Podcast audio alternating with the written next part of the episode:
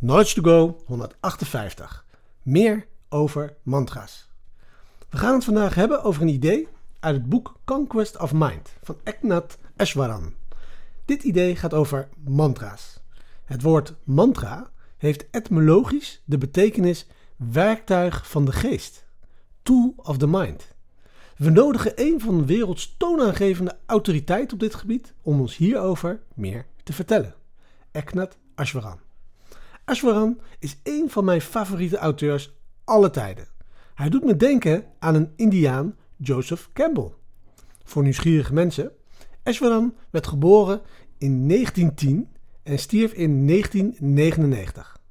Terwijl Campbell werd geboren in 1904 en stierf in 1987. Dus, Ashwaran was een in India geboren en getogen Engelse professor die naar Amerika kwam als Fulbright docent aan US Berkeley, waar hij meditatie doseerde en een gerenommeerd spiritueel leraar werd.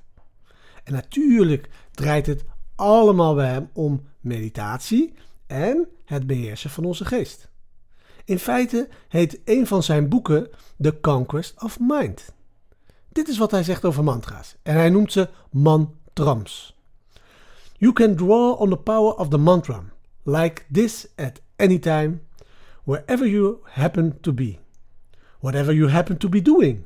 But if you want the mantra to come to your rescue when you need it, if you want it to steady your mind in times of turmoil, you need to practice, practice, practice in calm weather. Whenever you got a moment free, unless you are doing something that requires your attention, repeat your mantra to yourself, silently in your mind while waiting, walking, washing dishes, and especially when falling asleep at night. Constant repetition drives the mantra deep into consciousness, where it can anchor your mind so surely that no amount of agitation can sweep you away. I must have given this advice a million times, but I can never repeat it enough. Throughout my life, no matter how assiduously I practice a skill, I have always been able to find more time. Additionally, opportunities to put it to use. This is how we can gradually extend sovereignty over the mind. En nu in het Nederlands. Je kunt op deze manier op elk moment uit de kracht van de mantram putten, waar je ook bent, wat je ook doet.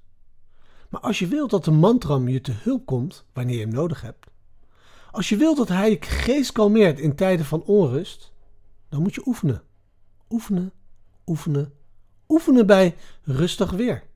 En telkens wanneer je een moment vrij hebt, tenzij je iets doet wat je aandacht vereist, herhaal je je mantram in stilte voor jezelf, in gedachten.